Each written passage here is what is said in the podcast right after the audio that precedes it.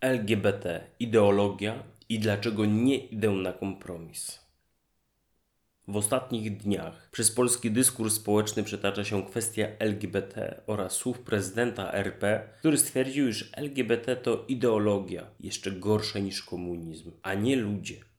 Nie jest to wpis polityczny nie chciałbym, aby ktokolwiek czuł się zachęcony lub zniechęcony do głosowania na pana Andrzeja Dudę.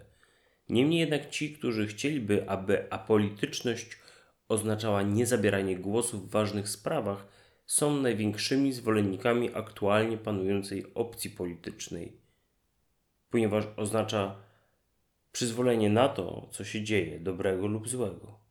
Zaniechanie z filozoficznego punktu widzenia jest aktem, czynem, a więc ten, kto postanawia nie zrobić czegoś, faktycznie coś robi. Z perspektywy biblijnej zaniechanie czynienia dobra jest grzechem, a przecież brak sprzeciwu wobec zła jest zaniechaniem dobra. Kto zaś umie dobrze czynić, a nie czyni, grzeszy. List Jakuba 4,17. Przejdźmy do pierwszego członu tytułu. LGBT, ideologia. Nie do końca rozumiem, dlaczego pan prezydent straszy Polaków ideologią. Załóżmy na chwilę, że lesbijki, geje, biseksualiści i osoby transpłciowe to faktycznie ideologia. Dlaczego mam się bać ideologii? Czym ona jest? Ideologia, pojęcie występujące w filozofii i naukach społecznych oraz politycznych, które określa zbiory poglądów służących do całościowego interpretowania i przekształcania świata. Dlaczego mam się bać zbioru poglądów? Czy ja nie mam własnego rozumu, aby zapoznawać się z rozmaitymi poglądami i oceniać ich słuszność, skuteczność, prawdziwość oraz wartość etyczną? Czy Polacy nie mogą sami zmierzyć się z jakimiś poglądami i wybrać to, co uznają za właściwe?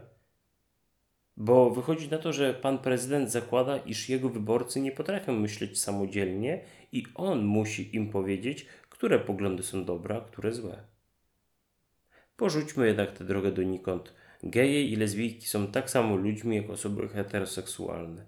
Teraz czas na prywatę, czyli odniesienie się do drugiej części tytułu tego wpisu. Dlaczego nie idę na kompromis? Najłatwiej jest pójść na kompromis, spotkać się w połowie drogi i sprzedać to, w co się wierzy, aby coś zyskać lub czegoś nie stracić.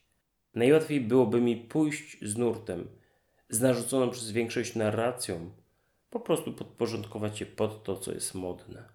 Tym samym jednak popełniłbym grzech, o którym pisał święty Paweł Starsu.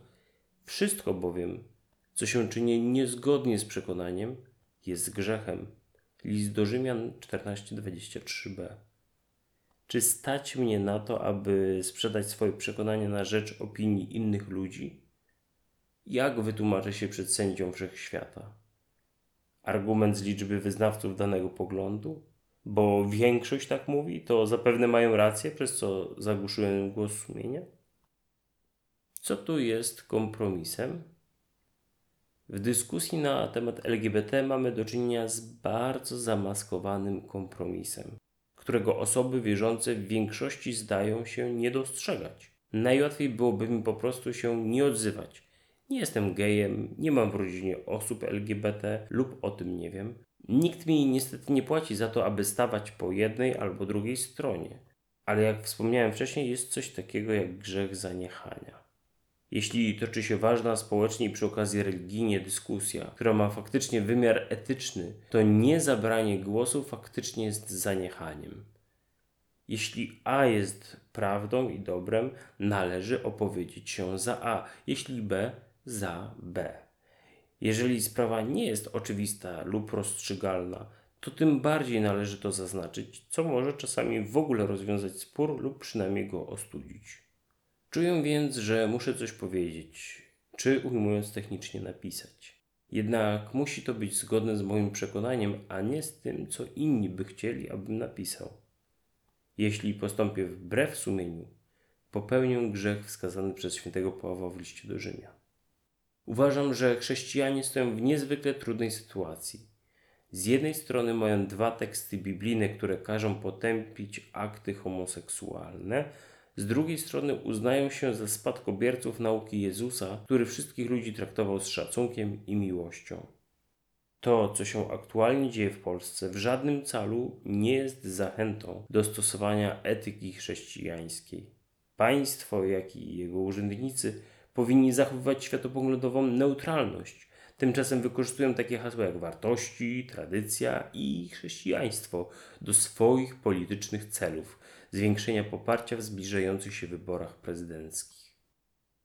Aż smutno patrzeć, jak szczerze wierzący chrześcijanie dają się nabrać na takie podłe zagrywki, które Jezus krytykował bez marszu, podobnie jak krytykował zagrywki polityczne pobożnych Żydów pierwszego wieku naszej ery, którzy również wykorzystywali takie hasła jak wartości, tradycja czy Pisma Święte.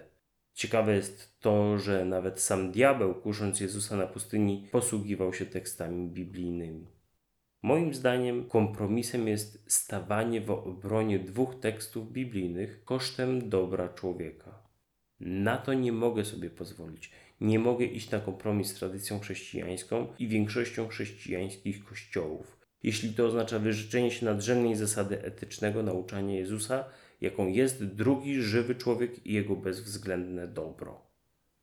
Wbrew pozorom nie stoimy przed wyborem głosić prawdę lub fałsz stoimy przed wyborem głosić prawdę lub czynić dobro. Gdy czytam Ewangelię, to widzę Jezusa, który po pierwsze czyni dobro, a następnie głosi prawdę, nigdy na odwrót. Jeżeli tak zwana prawda nie prowadzi do dobra, to nie jest prawdziwą prawdą.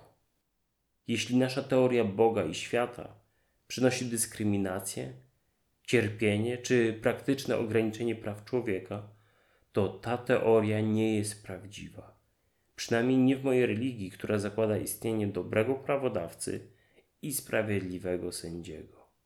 Dlatego moje chrześcijaństwo nie może iść na kompromis z tym, co przez prawicowych polityków nazywane jest chrześcijaństwem, niezależnie od liczby zwolenników, wyborców, kościołów i współwyznawców.